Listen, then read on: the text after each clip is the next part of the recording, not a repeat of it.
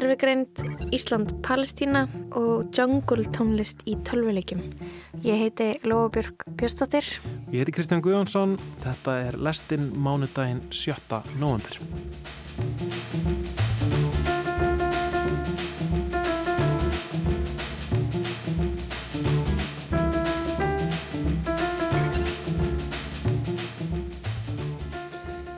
Núna er rétt mánuður frá því að átök blossuðu upp enn eina ferðina fyrir botni meðarhafs um, hryllilegt ástandar þetta, hérna, þessi, þessi hræðilegu fjöldamord Hamas og svo, svo í kjölfarið ótrúlegar myndir sem maður er að sjá frá, frá Gaza. Ég finn einhvern veginn í kringum með að fólk er fólk er miður sín einhvern veginn yfir, yfir ástandinu tala látina einhvern veginn fer svo hratt upp, tala látina barna bara ég, ég finn hvað margir eru einhvern veginn að taka, taka þetta inn á sig. Uh, margir að mæta mótmæli. Mm -hmm. svo var svona stór fundur núna um, um helgina í háskóla bíói Ymmið þá var fullt út úr dyrum í háskóla bíói fólk kom þar saman uh, til þess að sína Palestínu stuðning og uh, krafan var einhvern veginn bara einföld vopnarlega strax. Þetta er merkilegt sko, uh, maður finnur, nú, nú veit ég auðvitað ekki hvernig aðrir upplifa það og maður er alltaf á vissanhátt í sínum bergmáðshelli á samfélagsmiðlum og svona, en mér finnst eins og yfirgrænandi meiri hluti Íslandinga uh, sé stiðji við málstað Palestínu eða einhvern veginn hafi allavega samúð með þeim málstað og, hérna, mm. og, og kannski þess vegna sem mörgum blöskraði að Ísland sæti hjá í, í hérna, kostningu um þessa áleittun uh, hjá saminuðu þjóðanum um vopnarlíja. Ég held að okkur finnst það óvanalegt út af því að það hefur ekki verið þannig hinga til að Ísland takk ekki bara einhvern veginn afstöðu með Palestínu. Um, já, ég, ég bara, ég samanlegaðir, mér finnst þess að flestir í kringum mig stöði Palestínu, uh, það er einhvern veginn ekki þannig að þú fer til annar landa að það sé uh, sjálfsagt. Alls ekki, ég minna viða í Evrópu þá hefur verið að sko banna mótmæli það sem eða stuðningsgöngur uh, mm. það sem hefur verið að stiða við Palestínu, sko palestínski fánin er orðin einhvern veginn skotmark og, og áletin um, til margsum antisemitism og svo leiðis. Mm -hmm. Fórum að velta þessu svolítið fyrir okkur, sko uh, tengsl Íslands við þetta svæði og, og svona hvernig það hefur þróast í gegnum tíðina Hvernig þessi stuðningur við málstað Palestínu hefur þróast og orðið til um, og til þess að komast að þessu þá fengum við til okkar mannin sem er búin að vera líklega andlit þessar baráttu um, og, og samstarfs Íslands og Palestínu í 30 ár. Svein Rúnar Högson Lækni og fyrir um formann félagsins Ísland-Palestína. Já, hann hefur verið í félaginu frá stopnum þess en við ætlum að byrja á fundinum í háskóla bíói í gerð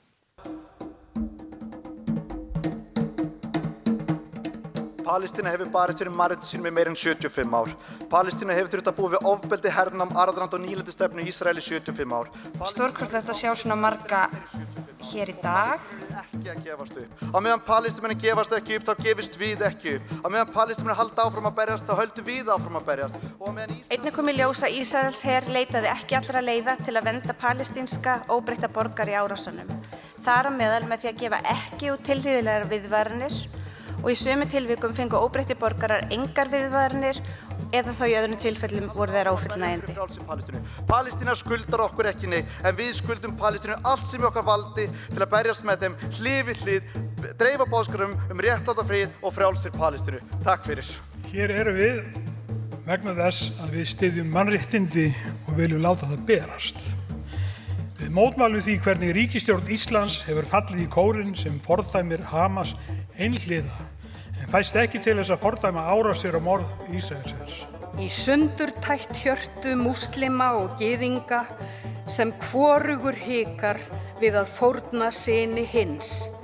Í stríðinu um engaréttin á að heiðra forföðurinn. Á meðan heilu fjölskyldurnar þurkast út í Palestínu þá sitja Katrin Jakobsdóttir, Bjarni Benediktsson og Sigurður Ingi Jóhansson hjá aðgerðarlaus með öllum sínum ráðhörum allt út af orðalagi og pólitík.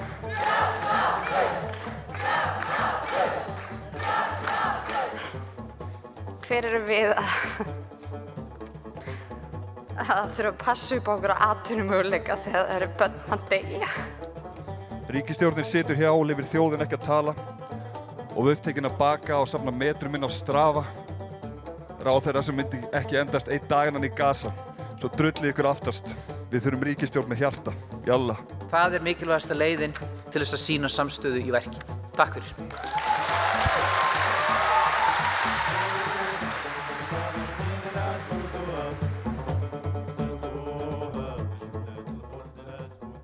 Félagið Ísland-Palestína mm -hmm. var stopnað 29. november 1987.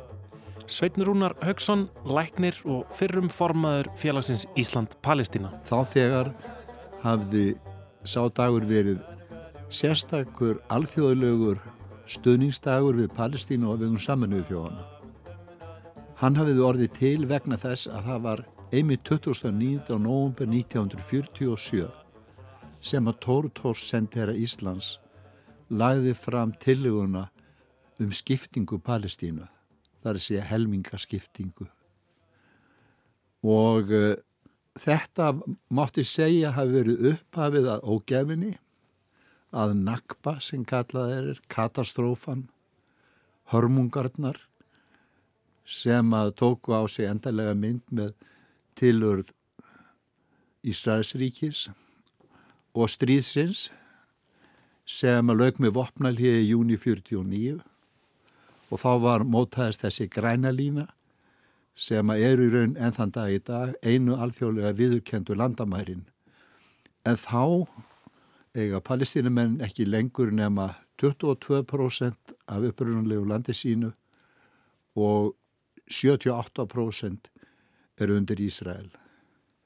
En eins og þekkt er þá döguð þetta ekki Ísrael þeir ákvaða að taka það sem eftir var í sextagastríðinu 1967 og í 56 ár hefur Palestína öll verið herrtekið land.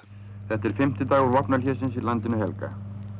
Tilraunum er haldið áfram í þá átt að varanlegir friðarsamningar á milli Arab og Gýðinga takist áður um vopnarhjönu líkur. Styrjöldin í landinu helga er eitthvað erfiðasta og versta vandamál sem þessu öld hefur átt við að etja og er þá mikið sagt. Í sérstöku stjórnmálanemdinu undir forsæti Tór Tórs var samtíkt í síðustu viku að halda áfram starfi saminuðu þjóðana meðal 800.000 flottamanna frá Ísrael sem nú dveljast í nálægum Arabaríkjum. Við vorum sein til, það verður að segjast eins og er.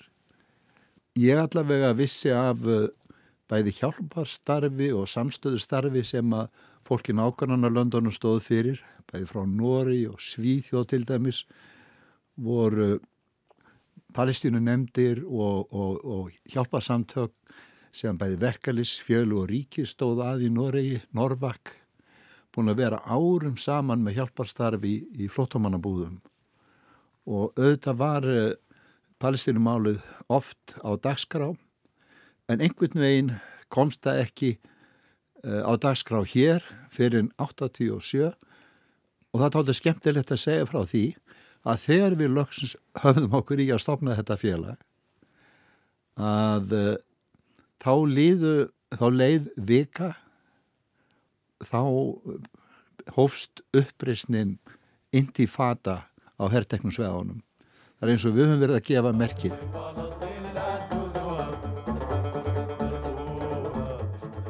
Mr. Langsmith, uh, I take it that when you came here you had some special interests. Uh... Oh yes, I had many interests. I am, have really been interested in most things I have uh, been seeing here and I have seen far too few of the things I was interested in. But uh, uh, what I especially was interested in was to see the country of the Bible and then to see the country of the new awakening uh, of the Israeli people and the new state of the Israeli people that was being built here.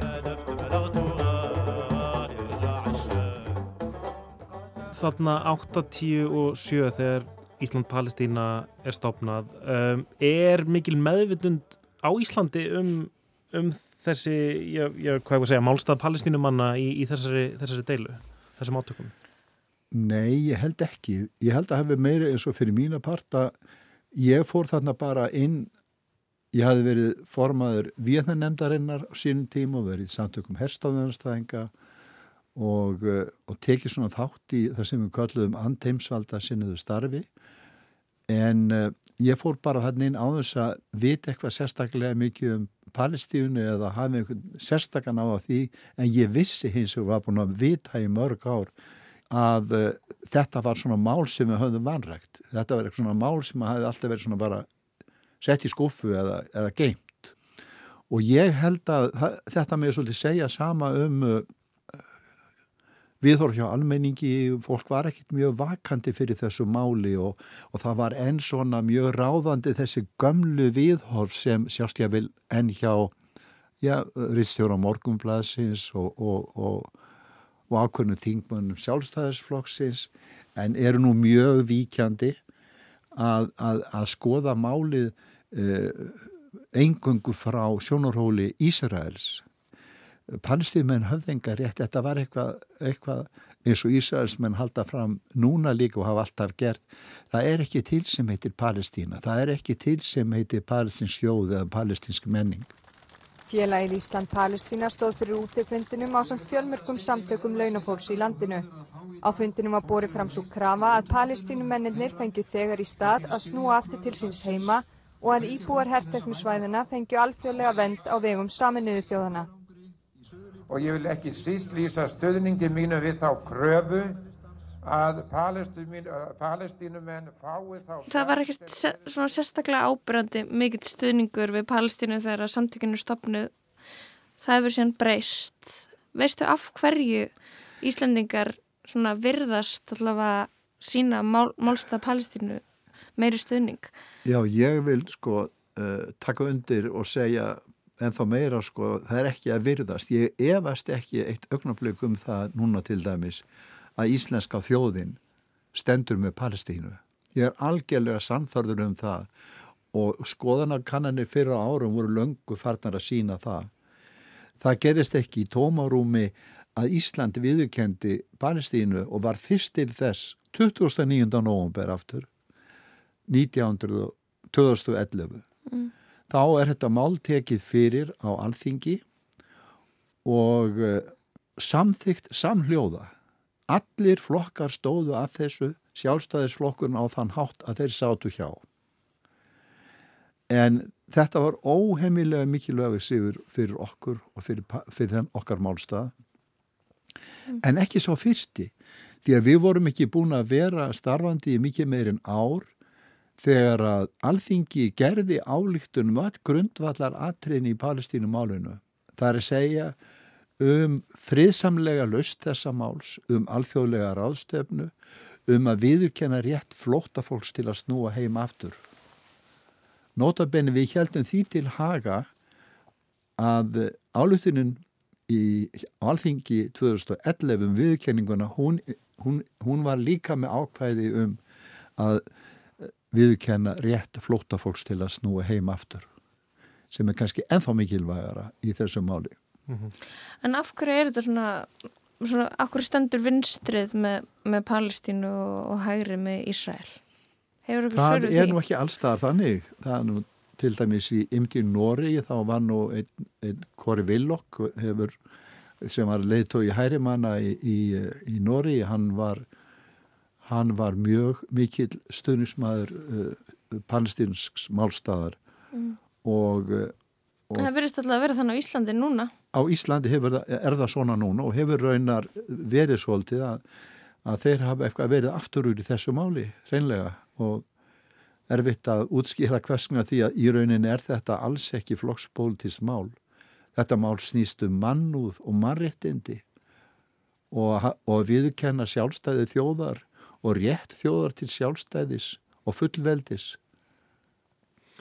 Sko á, á þessum árum, hvað ég var að segja, frá 1947 þegar Tór Tórs uh, hérna tekur þátt í, í þessu starfið þarna innan saminuðu þjóðana í að koma með þessa tillögu að stopna Ísraelsíkis mikið svona kannski stoltsatriði fyrir Íslandinga að fá að vera þarna með í þessu. Um, þanga til Ísland uh, viðukennir Palestínu sem sjálfstæði ríki. Er, er, er svona ofinbera afstæðan hjá Íslandi sko, hvernig, er þetta einhver þróun sem á sér stað eða, eða eru Íslandikar fyrst og fremst bara hérna, ánæður með Ísrael þarna þanga til kannski freka nýlega? Já, ég held að þeir hafi verið allavega tiltölega, tiltölega sáttur við Ísrael og, og, og meir en það þóttu væntum Ísraels ríki allavega fram til 67 þegar að, þegar að Ísrael ræðst inn í öll nákvæmlega og á aðeins sex dögum uh, leggur undir sig alla Palestínu stórt landsvæði í Egiptalandi Gólanhæðirnar og hluta af, af, af Líbanon. Ég held að þetta þessi þróun sko frá síðan 67 þá er svona aðeins hérna þántaljur gerðar álíftanir á samnöðu þjóðunum um það að skila aftur uh, þessum herrteknu landsvæðum og uh, það hefur hins vegar aldrei gerst. Það var hins vegar emt til friðar uh, viðræðina Eh, efna til fríðar til fríðar rástefnu taka þetta palestínumál fyrir bara ef þjóðurnar vildu stiða þá í stríðinu gegn Saddam Hussein og þeir fengu sko, Sovjetríkin með sér lofuðu Gorbachev þessu og Araparíkin sömulegis með sér. Og síðan stóðu þeir við þetta en það var ekkit auðvelt mál því að Ísrael hefur aldrei haft neitt áhuga á því að mæta palestínumönnum í raunverulegum fríðarviðræðum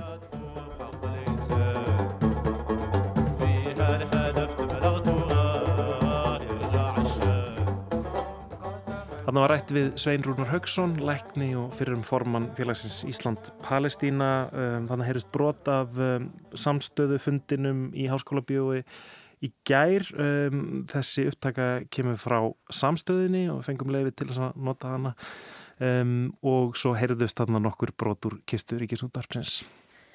En við ætlum að fara í allt þara átt, við ætlum að leiða hugðugan að tónlist og tölvuleikjum.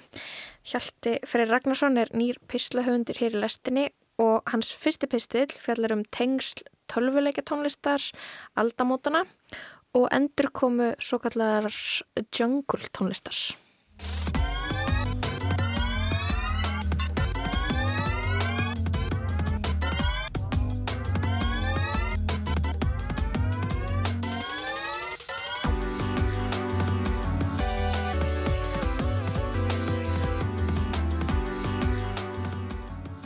Engu tíman í barnæsku, líklega í kringum aldamótin, náði ég þeim merka áfanga að suða út Playstation 1 tölvu. Ekki leiða löngu þar til ég var djúft sokkin í leikin Abafangaran eða Ape Escape. Tónlistin í leiknum sem er að miklum hluta jungle er með minnistæð og ég hef rifjað hana reglulega upp síðar á lífsleginni.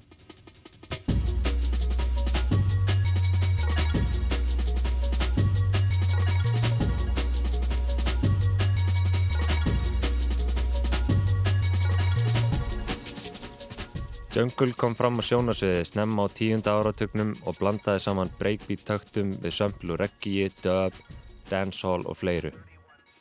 Inngjöfun í botni, tempóin yfir 150 slögum á mínútu og djúpar bassalínur dinjandi undir. Hún er forverið and bass tónlistar sem kom fram með miðbygg áratöðurins og voru stefnunar tvær á þeim tíma bísna svipaðar.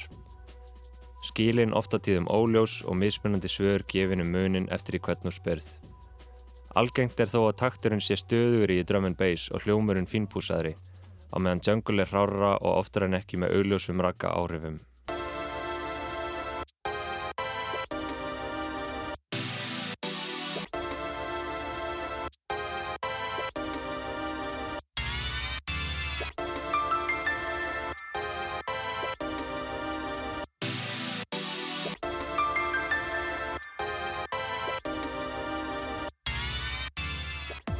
Spólum fram í tíman til ásins 2021. Jungle tónlistamix eru farin að spretta upp eins og gorkulur á YouTube og þar að veru merkilega mörg sem innihelda aðeins tölvilegja tónlist. Mix á borði Nintendo 64 Jungle Mix nú leitt, Low Poly Breaks og 90's Naughty's Ambient Jungle in Gaming Mix hafa náða stinga sér í ströymhart fljót YouTube algrímsins og lauma sér í meðmæli fjölda óvara notanda túbunar. Í næstum þryggja tíma langa mixinu PlayStation Jungle Mix nú leitt má heyra lag úr einu af fyrstu borðunumur áður nefndum Ape Escape. Þetta mix er nú komið með 2 miljónir áhorfa á videoveitinni Knáu. Einni er farið að bera á listamönnum á borði Pizza Hotline sem beinleginni semur tónlist sem hljómar eins og sveimandi drum and bass úr 90's tölvuleikjum. Pizza Hotline hliður líka upp sínum eigin tölvuleikja jungle mixum með laungum smellubrellulegum titlum sem innihalda orði eins og chill og study. Bakgrunnstónlist úr tölvuleikjum farin að fungera sem bakgrunnstónlist í lífi fólks. Ætli máli sé að þessi mixi hefði nýja lo-fi hip-hop beats to study to. Það er allavega allur gangur á því hvort þau innihalda í raun bara jungle en sum þeirra bjarga sér með því að tellja upp aragrúa mismunandi stefna í titli eða lýsingu. Flest lögin eru þó jungle eða eitthvað form drum and bass og stór hlutir að sem stundum er kallað intelligent drum and bass. Sveimuð og afslöpuð sýstustefna sem á rætur sína að rekja til LTJ Bookham og útgáðu hans Good Looking Records. Og þó að jungle stefna nái kannski ekki yfir alla músíkina í þessum mixum er hún mögulega bara orðin að einhverjum nýjum frasa í þessu samengi, eins konar tölvuleikja jungle. Orðið farið að vísa til ákveðins andrumsloft sem fyrirfinnst bæði í jungle og drum and bass þessa tíma sem er mjög frábriðið nútíma hljómið drum and bass. Tvær spurningar koma strax upp í hugan. Hvers vegna er svona mikið að tölvuleikja tónlist frá áraunum 1995 til 2005 jungle? Og hvers vegna sapna handvalin mixavenni upp svona miklu áhorfi á YouTube um tveimur áratugum síðar?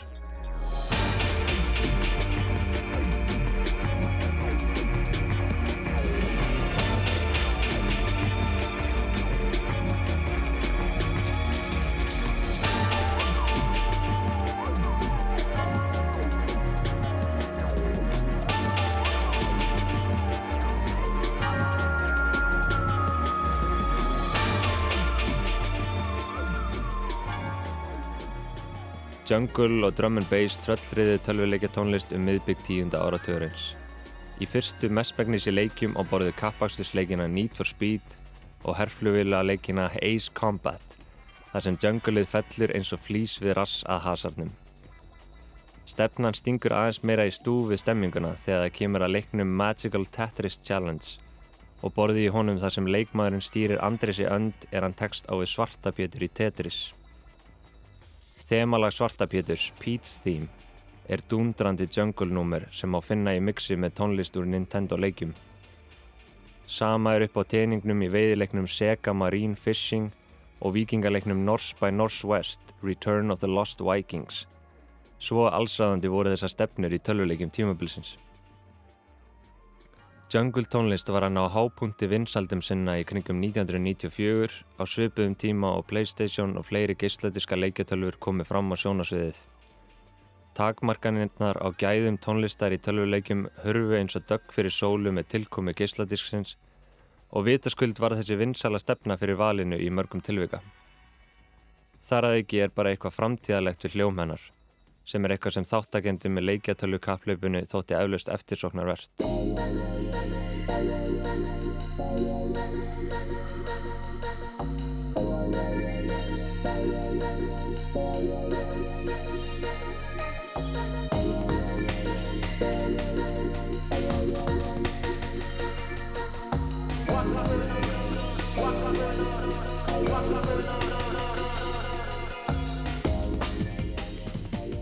Hver byrjaði á þessu og hvena nákvæmlega slík tónlist var fyrst nótið í tölvuleik verður að fá að liggja á milli hluta. En Tetsukazu Nakanishi var klálega að snemma á ferðinni með tónlistinni fyrir Rage Racer árið 1996. En hann vann einni af tónlistinni í mörgum fleiri leikjum sem voru gegnsýrðir af umrætum tónlistastefnum. Sama ár gaf tónskaparinn á bakvið Ape Escape Soichi Terada út plötuna Sumo Jungle en á henni má heyra sömpl af sumoglímuköpum innan um tilruna Kent Jungle. Hún var til þess að höfundur Abafangarans baðan um að gera tónlistina fyrir leikin árið 1999. Svo Itzi saði eitt sinn í viðtalið við Vice að um miðjan tíunda áratögin hefðan verið háður bass hljómnum. Svo augljóslega var ástriða á bakvið vekkferð Jungle inn í heim tölvuleikjana. En hvað er þessi tónlist að vilja upp á dekk aftur núna? Eru nostalgískir 90's tölvileika spilarar að baki öllu þessu áhorfi. Það þarf ekki að vera. Svo verið sem jungle og drum and bass áhrif hafi sniglað sér inn í pop heiminn með töluverðum tilþrifum einhver tíman í heimsfaraldrinum.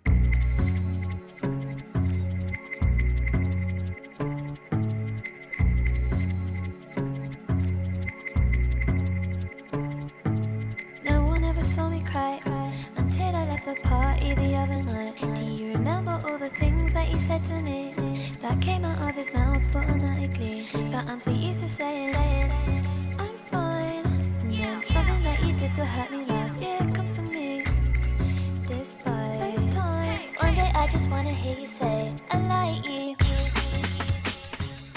Frækt dæmi er rétt rúmlega tvítu að breska tónlistakonan Pink Panthers sem byrjaði að snemma árs 2021 að byrta brotur lögunum sínum á TikTok og fór á innan við ári frá því að vera óþægt tónlistakona í bænum Bath á Englandi yfir að Coldplay gerði óeftirminnilega ábreyðu af einu af lögunum hennar í beitni á BBC. Í einu af fyrstu lögunum hennar, Break It Off, syngur hún laglínu yfir endurún á útgáfu af drum and bass mellinum Circles með Adam F frá árunni 1995. Hún byrti einmitt fyrst hráan bútur því á TikTok þar sem það tók á loft töluvert áður en það kom út á helstu streymisveitum. Mörg laga hennar eru innblásin af drum and bass, jungle, two-step garage og fleiri breskum stefnum sem voru vinsalar á tíunda áratögnum. Afslapaður söngur Pink Panthers býr svo til ákvæðið mótvægi við hraðan undirleikin sem gerir heldari yfirbræðið á tónlistinni ómþýtt og auðmeltanlegt. Mýmörg nýleg dæmi eru um listamenn sem blanda saman elementum úr drum and bass við pop og hafa náð miklum vinsaldum, mikið til vegna TikTok. Lægið Soft Spot með Peary and Tommy er annað dæmi um drum and bass skotið poplag sem fann vinsaldir gegnum samfélagsmiðlin. Peary sjálfri þótti lægið hljóma TikTok-lega. Fannst hraða tempóið í drum and bass passa vel við stutt og snarpklipt vídjóin og vildi meina að vinsaldir laga Pink Panthers á miðlunum síndu einmitt fram á það. original root girl junglist. You're tune this.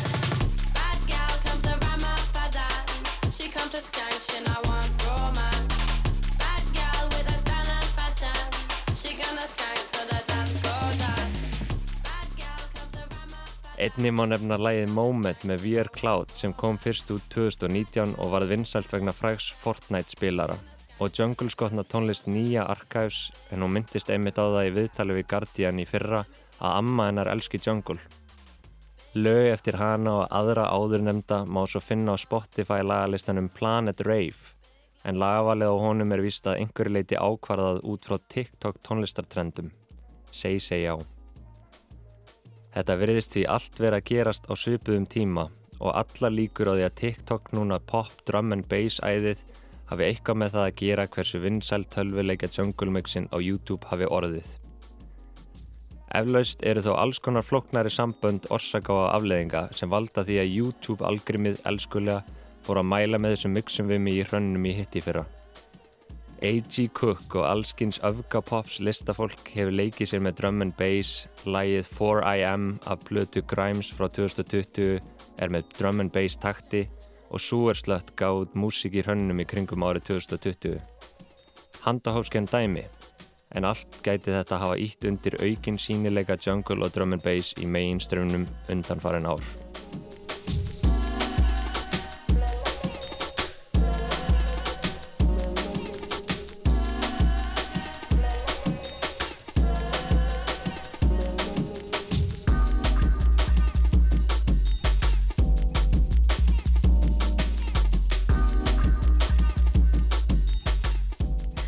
Hjalti Freyr Ragnarsson ný rött hérna í lestinni fjallaði um jungle tónlist en við ætlum að eh, fara aðeins yfir í gerfugreindina Já, einmitt, talandi um svona framtíðar uh, tónlist. Við gerðum uh, fyrsta íslenska gerfugreindar útastáttin uh, núna í vor eða sumar, ég veit ekki hvort að fólk hafi fréttað því. Um, okkur langar að vekja aðeins aðtekla á því að það er ennþá hægt að nálgast seríun okkar, gerfugreindarlestin sem að fjallar um gerð þessa þáttar. Um, það er að finna þetta í öllum í spilarrúf og öllum hlaðarsveitum. Serían er góða dótið sko. Já, þátturinn ger... sjálfur var ekkert góð sko reyndar voru sumur af fílan okay, okay. Uh, þarna, já, gerð gerðugreinda þáttarins er eiginlega aðalmálið. Og þetta er seria í sko þremur þáttum en við bútum þetta niður í, í sex, eða ekki? Mm -hmm, og, og þarna uh, ef við ekki bara spila fyrir hlutan af fyrsta þætti Skulum gera það, þetta er fyrsti þáttur af gerðugreyndarlestinni frá því sumar Hvað er aftur langt séðan við fengum þessa hugmynd? Sko, ég held að þetta hafi verið þarna í februar Ég var í fæðingarálofi og gerfugrind var einhvern veginn stöðugt í fréttum og þú sendið mér skilabóði, mann eftir því bara hvað ef við látum gerfugrind gera lestina. Emitt. Og síðan þá hefur þessu hugmynd kannski aðeins stekkað. Tilstendur að framleiða heilan útvarpstátt með gerfi grind og útvarpa ára á seitt í næstu viku. Uh, við erum búin að lofa að gera fyrsta íslenska gerfugrindar útastáttinn. Við skiljum ekki gerfugrind, við erum ekki forritarar og við höfum ekki hugmynd um hvort þetta sé yfir höfuð hægt. Nú erum við með gerfir greind og, og við hefum eftir að brenna okkur einhvern veginn á henni. Þannig að jafnveg sérfræðingarnir eru að klóra sér í hausnum. There's an AI that's able to replace them. Aldrei þetta gæti orðið áheyrilegur útastátt. Já, ég sé ekki ástæða okkur það ekki geta orðið raunin sko.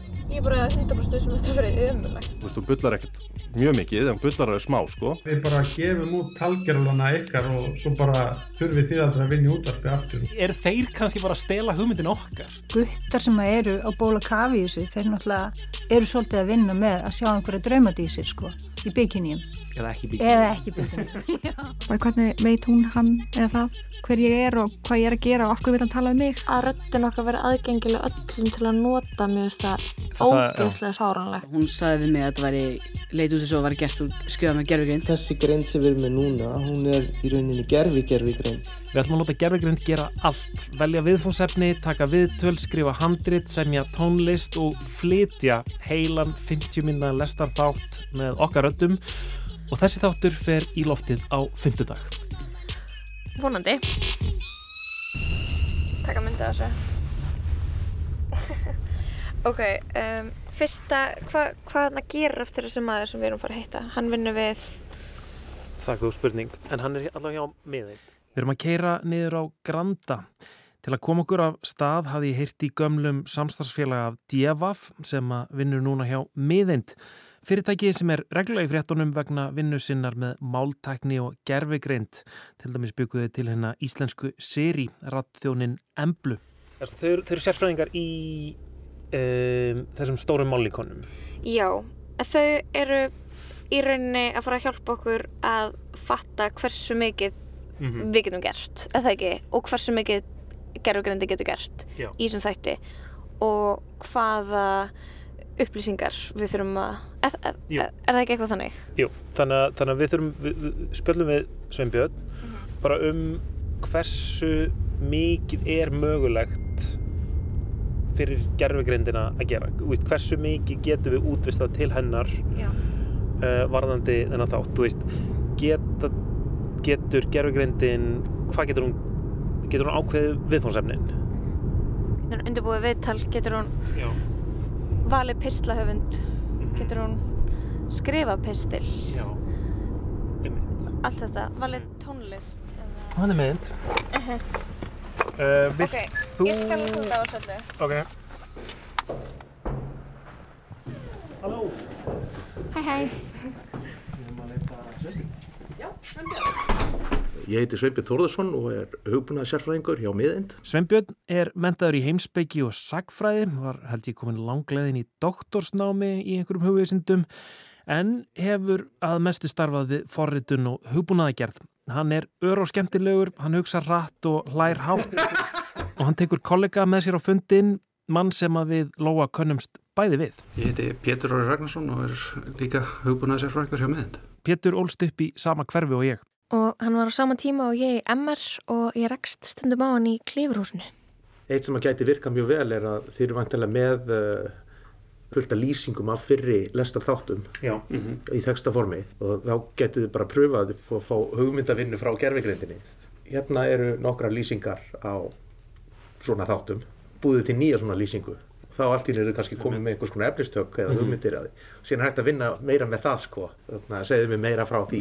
Þeir benda okkur á að nota spjallmenni ChatGPT frá ameriska tæknifyrirtækinu OpenAI.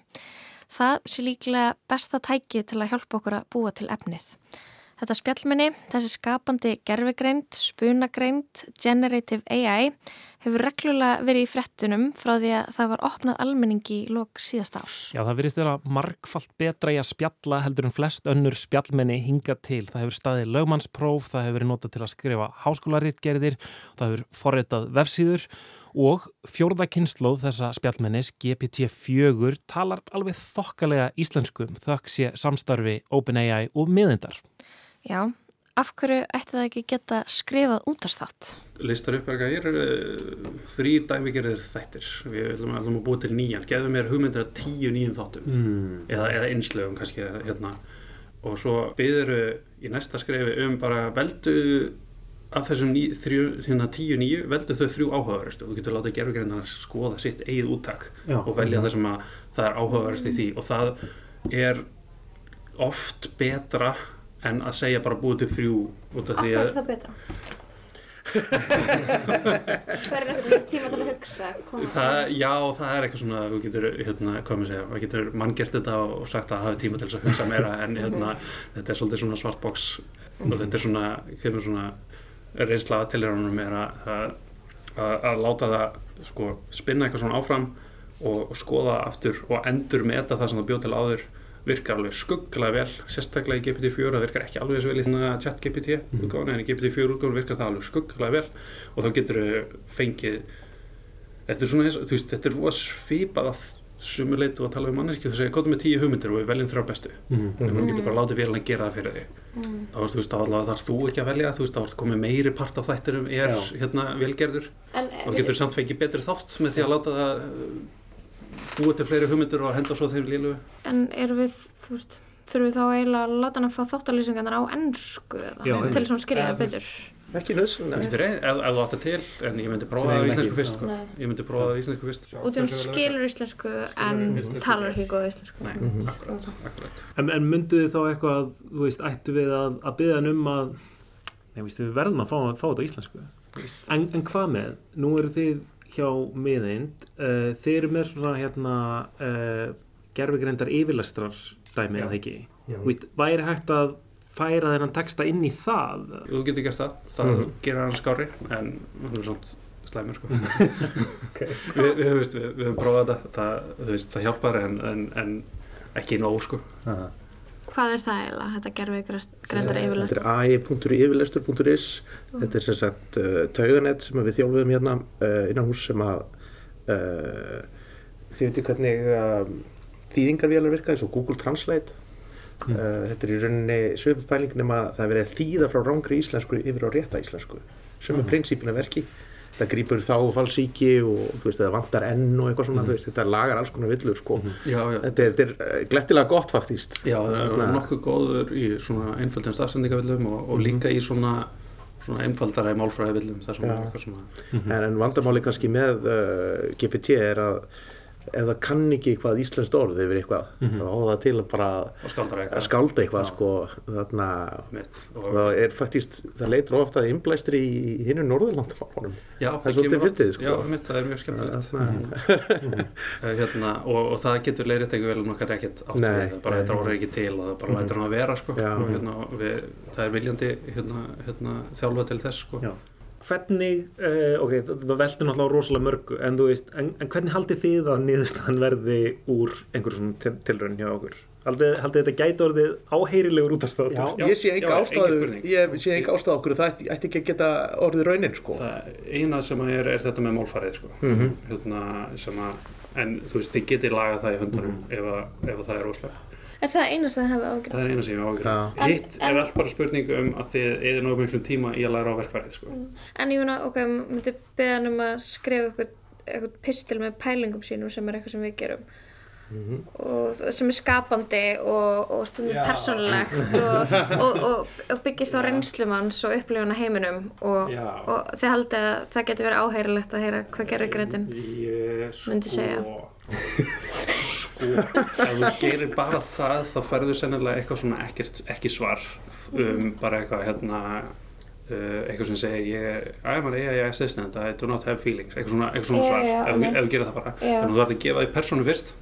Svo segir eitthvað, þú ert hérna bla bla bla, hérna útdagsmaður sem er að skrifa svona pistil um pælinga mínar og og þá kannski byrjar að fara að fá eitthvað. Mhm. en svo getur þau sagt svona hluti sem að er sett svona inntak í það bara eitthvað svona í gær fór ég og sá hest að labba í polli og þú veist og þá mun koma eitthvað þú veist, tengt því þú veist, Mhm. það mér ekki koma bókstaflega út en það komið eitthvað, þú veist, þú veist, þú getur svona stýrt í Mhm. áttina eitthvað Þannig við getum gefið henni eitthvað persónuleika. þú getur, þú, getur gert það og, og það virkar yfirleitt hérna, nokkuð vel Mhm. uh, hérna, en eins og ég segi bara setjast niður og, og fykta er Hver er ég held að vera sko stærstu hindrannar? Og það er náttúrulega Það er tungumálið, Ég myndi segja að það veri íslenskan. Málið er það sko að netið er ofsalega gott í að búa til enskan texta sko. En uh, íslenskan er ekki alveg komin á sama stað sko. Mhm. Þannig að þetta er voðalega mikið funksjón af, af þjálfun og gögnunum sem netið var þjálfað á sko. Og eðli málsins samkvæmt þá er bara ekki til það mikið af íslenskum texta yfir höfuð. Mhm. Ef þú leggur saman allan íslenskan, íslenskan texta sem hefur verið nokkuð tíma skrifaður frá upphafi þá er það bara, bara dropi í hafið með að við magnið af ennsku sem er búið til á hverju meinasta degi á internetinu. Þannig að þannig að þannig að já, það er svona samhengið hérna sko. Já, við, við, já, það er það er eitthvað, eitthvað þúsundur sem fleiri bandaríkjamenn en Íslandingar og þú veist, þeir eru ekki náma að brota einskum meðlandi fólki í heiminu sko, Mhm. þannig að svona Kannski ættum við bara að hafa henni þátt á ennsku. Enska er framtíðin. bara uppgjöf bara hætta þessu Já, takk fyrir spjallið. Sjáumst. Ok, ChatGPT mun hjálpa okkur að koma með hugmyndir að efni í þáttinn, mun hjálpa okkur að velja viðmælendur og skrifa handritið, þó að vera kannski á lélæri íslensku. En eitt helsta vandamálið hlýtur að vera að spjallmennið er bara þjálfað á gögnum til ársins 2021. Það veit ekki um neitt sem gerist eftir þann tíma og það er ekki lítið til íslensk menningarlífs. Hvernig eigum við að geta gert þátt um það sem er að gerast nákvæmlega núna í íslenskri menningu með þessu tæki? Já, fyndið. Fyndið hvað er hafa mikla trú á þessu. Já. Ótrúlega fyndið. Ég hef enga trú á þessu. Ég er bara 100% sem þetta verið ömulegt. Já, ég líka. Var ég búin að segja, ég bað ChatGPT um að skrifa texta fyrir mig þar sem ég var að bjóða yfir manni mínum á stefnumót. Nei. Og hann vildi ekki gera það. Aha. Og því hann sagði að það væri ófamanlegt Mhm. og þarna og ekki lægi að undirmenn og yfirmenn á vinnustað væru ætti í rómantískum samböndum. Ég myndi segja svona kannski bara að því að það verður mikil vinna þá var svona þessi fundur ákveðin vombriði eitthvað svona ég hefði viljað bara sveimbjörn hefði sagt, heyrðu, ég skal bara sjá um þetta Mhm. hérna, ég er uh, við erum með færnina við erum með tæknina við erum með hérna aðgangað einhverju svona leinivopni og við skulum gera þetta Já. en í staðin þurfum við að gera þetta allt Uh Já, fannst, var það vombriði? Æ, það hefði kannski bara verið smá næs Já. Við kaupum okkur aðgangað spjallmenninu tjatt GPT 4 og hefjumst handa. Hæ, hæ. Hello, how can I assist you today? Við erum að fara að gera útastátt. Frábært. Hvernig get ég hjálpa þér við það? Viltu að ég aðstóði þig við eitthvað sérstakt eða þartu ráðgjöf um hvaða tól eða búna þú þart fyrir útvarþáttin? Hvernig þátt myndið þú vilja búa til? Það er ágætt spurning. Eins og ég er aðstóðafórið get ég ekki sjálfur skapað útvarfþætti. En ég get sannarlega hjálpa þér að finna hugmyndir og efnistætti sem þú getur nýtt í þínum þætti. Ok, Sveinbjörn og Pétur ætla ekki að gera þetta fyrir okkur allavega, en við veltum fyrir okkur, er engar aðrar patentlausnir, einhver forrið sem geta bara gert þetta fyrir okkur? Ég meina, gerðugrindi komin út um allt, hún er ekki bara í Google Maps og TikTok streyminu, autokorrekt í símanum, heldur líka bara venjulegi hlutir eins og hitaveita, veðurspár, myndavela eftirlit og aðgangsstýring, bílarnir okkar, allt þetta er orðið veginn uppfullt af gerfugreind. Þannig að það hljóta einhverjir fjölmjölar að vera farnir að nota gerfugræn til þess að framlega efni fyrir sig og við vinnum hérna á RÚF það lítur einhver í þessu húsi að vita eitthvað um gerfugrænd í fjölmjölum. Dæmið sem er svona skýrast til að taka er, er ekstra blaðið í Danmörku sem er svolítið eins og hjá okkur, eitthvað svona. Þetta er Byggi Birgir Þór Harðarsson, vefstjóri RÚF. Já, hann er ljósarður og með gleru. Ég þekki hann ekki mikið en um daginn þá gaf ég honum seinustu lumuna mína en hann er búin að borga mig tilbaka. Þau stóðu frammi fyrir því, því verkefni uh, að þeim langaði að sérst, lokalisera fréttina meira. Svolítið eins og við myndum vilja hérna, segja meira fréttir, fle- fleiri fréttir frá bakkafyrði. En í staðin fyrir að ráða tíu bladamenn á bakkafyrði og út um allar trissur, þá ákveðu þau að bara láta gerfigreindina framleiða fréttir á vefin hjá sér. Þau áttu þess að þau líka, þú veist, til þess að lokalisera fréttir og segja fréttir frá svona lokalt, þá þurfa þau bara miklu meira magna af fréttum. Mm. Þú veist, bara, þú veist, þau þurfa tíu fréttir frá bakkafyrði, tíu fréttir frá vopnafyrði, tíu fréttir frá reyðafyrði og svo út um allt landið. Uh, þannig að í staðin fyrir að gera tíu fréttir, þá eru það að gera 400 fréttir á dag bara frá mismunandi svæðum í, í Danmarku. Og þau eru að, að nota gerfugreind til að móka uh, fréttum og upplýsingum upp úr uh, fastegnaupplýsingum, árskýrslum fyrirtækja, alls konar svona rekstra, svona svolítið formföstum upplýsingum sem eru auðvelt fyrir gerfugreindina og foreldar að, að skrifa móti. Og þetta er svona, veist, það virkar og þetta er svona, að því þetta er svo basic, þá er þetta allt í lægi, ég meina hún er ekkert að, hún bullar ekkert mjög mikið, en bullar er smá, sko, Þessa, eða fréttin, gerfugreindirnar eru svolítið, stundum svolítið bull. Ok, Birgir segir okkur frá því að um, það sé farið að nota gerfugreind í fjölmjölum. En hvað með útvarp? Ég held að það hef verið þarna einhvern veginn í mars þá kynnti allavega Spotify að þau varu komið með eitthvað svona gerfugreindar DJ sem að flytur kynningar á milli lagana fítur sem er endar ekki ennþá komið til Íslands across a range of genres from bedroom pop to rock, and he recently won a Grammy for Best Progressive R&B Album. Here's his breakout hit, Bad Habit. Já, þetta er ekki raunveruleg manneskja en hann er samt frekar sannfærandi. Ég gæti alveg trúa því að þetta væri manneskja ef ég myndi bara heyra þetta. Já, og Biggi segir okkur að þetta sé ekki eina svona gerfugreindar útvarpið sem er nú þegar komið í gagnið. Það er bandarisk útástöð sem er bara kerð uh, á hérna, uh, gerfugreind sem er með svona synthetískum röddum, heitir uh, Radio GPT eða eitthvað sem er, þú ert með hérna svona gerfugreindar DJ sko sem er að hjálpa þér og segir frá einhverjum aðal eða einhverjum svona mikilvægum upplýsingum á milli laga og spila svo bara eitthvað fyrir þig.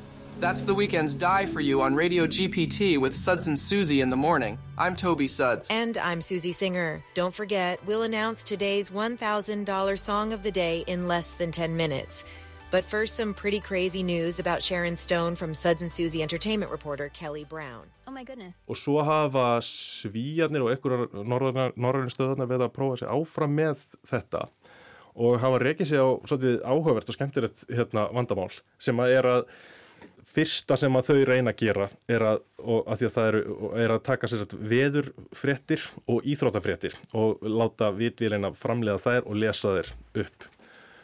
Uh, en þeir ráka sig á því, það vandamál að, syntetísku rattinnar þær hérna kunni ekki blæbriðin. Þau eru bara flatar, monotón.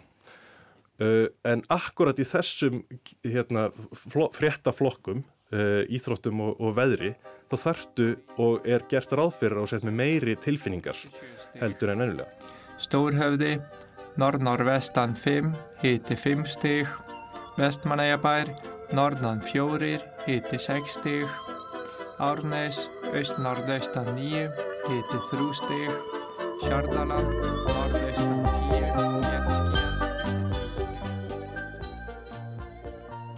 Ok, þannig að þetta er hægt. Tæknin er til, það er hægt að gera gerfugrindar útvarp. En ekki á íslensku. En sem komið er? Þetta byrjaði að gerast og út um allan heim. Umræðan um það er farin á stað á meðal útvarsfólks og fyrir algjöra tilviljun þegar vorum að vinna í þessari sériu þá rákust við á Casey hér á RÚF. Ég heiti Casey Morrell and I am a producer with the NPR Politics podcast, a daily look at American politics. Hann var stattur í frí á Íslandi en Casey vinnur við eitt uppáhalds hlaðvarpið mitt sem er NPR Politics og hann vinnur fyrir stjættarfélag útarsfólks og þau eru byrjað að velta fyrir sér gerfugrind. Við sögum honum frá hugmyndin okkar um gerfugrindar útvarsþáttinn og seríuna sem við erum að vinna að og spurðum hann hvað honum fyndist. Um, I think it's a really interesting idea. As a journalist, I would worry about being made redundant by AI also, but I think what will be interesting is seeing if people can tell the difference between what the AI is able to create and what you're able to create as journalists yourselves. Mm -hmm. Ok, þannig að Casey, hann er hrifin af hugmyndin okkar um hennan þátt og sériu sem segir frá ferðalæginu. Það er geggjað.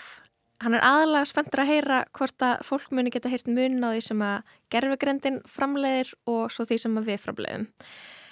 Og hann segir þetta verið eitthvað sem hann sem bladamæður er meðutar um hættuna á því að gerfugrendin gera hann óþarfan. There are concerns in the US that a radio host who's been on the air for a long time, obviously there's a lot of language that they can take from from the recordings from the archives and you could give it to an AI and type out a script and make that host you know say whatever you want it to say mm-hmm. um, whether that's to replace them while they're on vacation or if there's breaking news or to just Hann segir að vera bara orðin raunhafan möguleika og þar leðandi óta meðal starfsískina sinna í bandaríkjunum að það verði hægt að nota upptökur af útafsfólki til að skapa talgerla sem geta þá verið látnir lesa hvað sem er, kannski lesa á holmi í sumafríinu, lesa stórfréttir þegar enginn er á vakt, já, eða bara losa sig algjörlega við þá. Tæknin er allavega til staðar og fólk er hægt við þetta. En Casey segir að enn sem komið er telja hann talgerluna ekki geta búið yfir sömu hlýju og personuleika sem að mennska rattir hafa. Og meðan fólk getur ennþá greint þarna á milli þá sé hann ekki vissum að fólk muni laðast að did it mm -hmm. and until we get to that point which thankfully we're not there yet but until we get to that point I think it's, it's still a, a bit of an open question.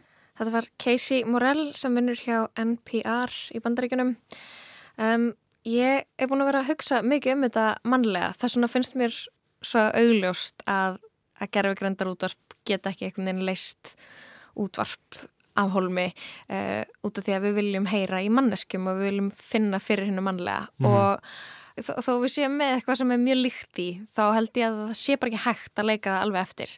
En svo er ég bara búin að hugsa um veist önnur störf þar sem, sem gerfugrendin getur tekið við og, og og mörgum stöðum er það að byrja að gerast eins og bara í banka eða ringir í banka uh, eða bara í ykkur stopnun flugfélag. Já, og farið fyrst að tala við gerðugreint af hverju viljum við ekki mæta manneskum þar líka? Mm -hmm.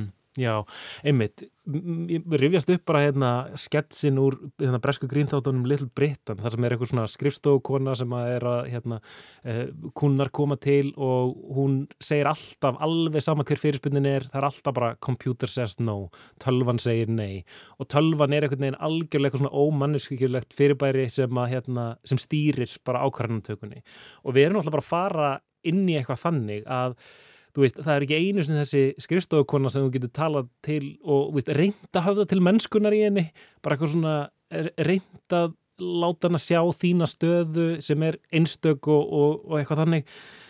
Þú myndi alltaf mæta bara einhvern veginn spjallmenni sem er bara fyrirfram forreitað til þess að segja já eða nei eftir hver fyrirspunnir er.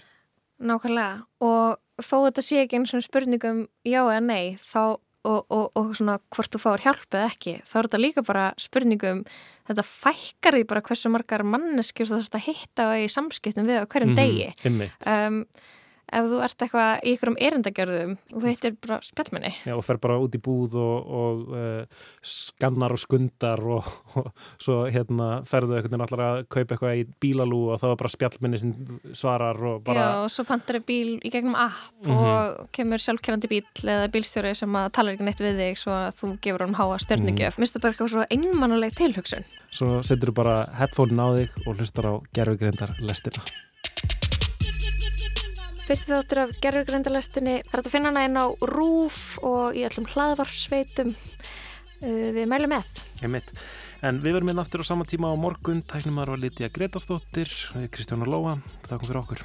Verðið sæl.